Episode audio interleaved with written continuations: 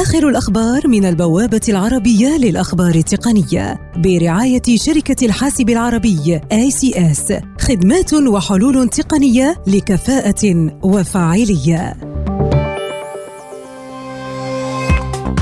شركة سناب المطورة لتطبيق التراسل المرئي سناب شات تعلن عن إطلاق منصة سناب جيمز المخصصة للألعاب التي تطلقها بهدف زيادة نموها الذي يصل إلى 186 مليون مستخدم نشط يوميا عبر سناب شات.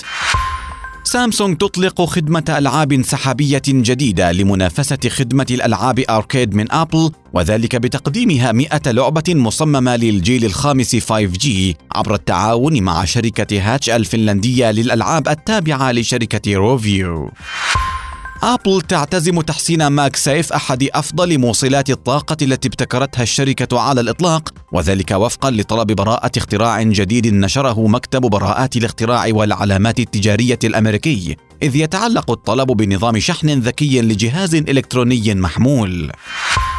أبل تتعرض لعملية خداع من طلاب صينيين استغلوا سياسة الإرجاع لاستبدال أجهزة آيفون مزيفة بأجهزة جديدة كلفت الشركة خسائر بمئات الآلاف من الدولارات.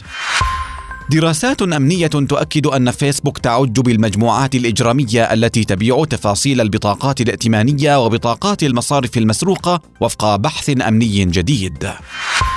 الأمم المتحدة تقول إن مخاوف الولايات المتحدة الأمنية بشأن معدات شبكات الجيل الخامس 5G التي تصنعها شركة هواوي ذات أبعاد سياسية وتجارية أكثر من كونها أمنية.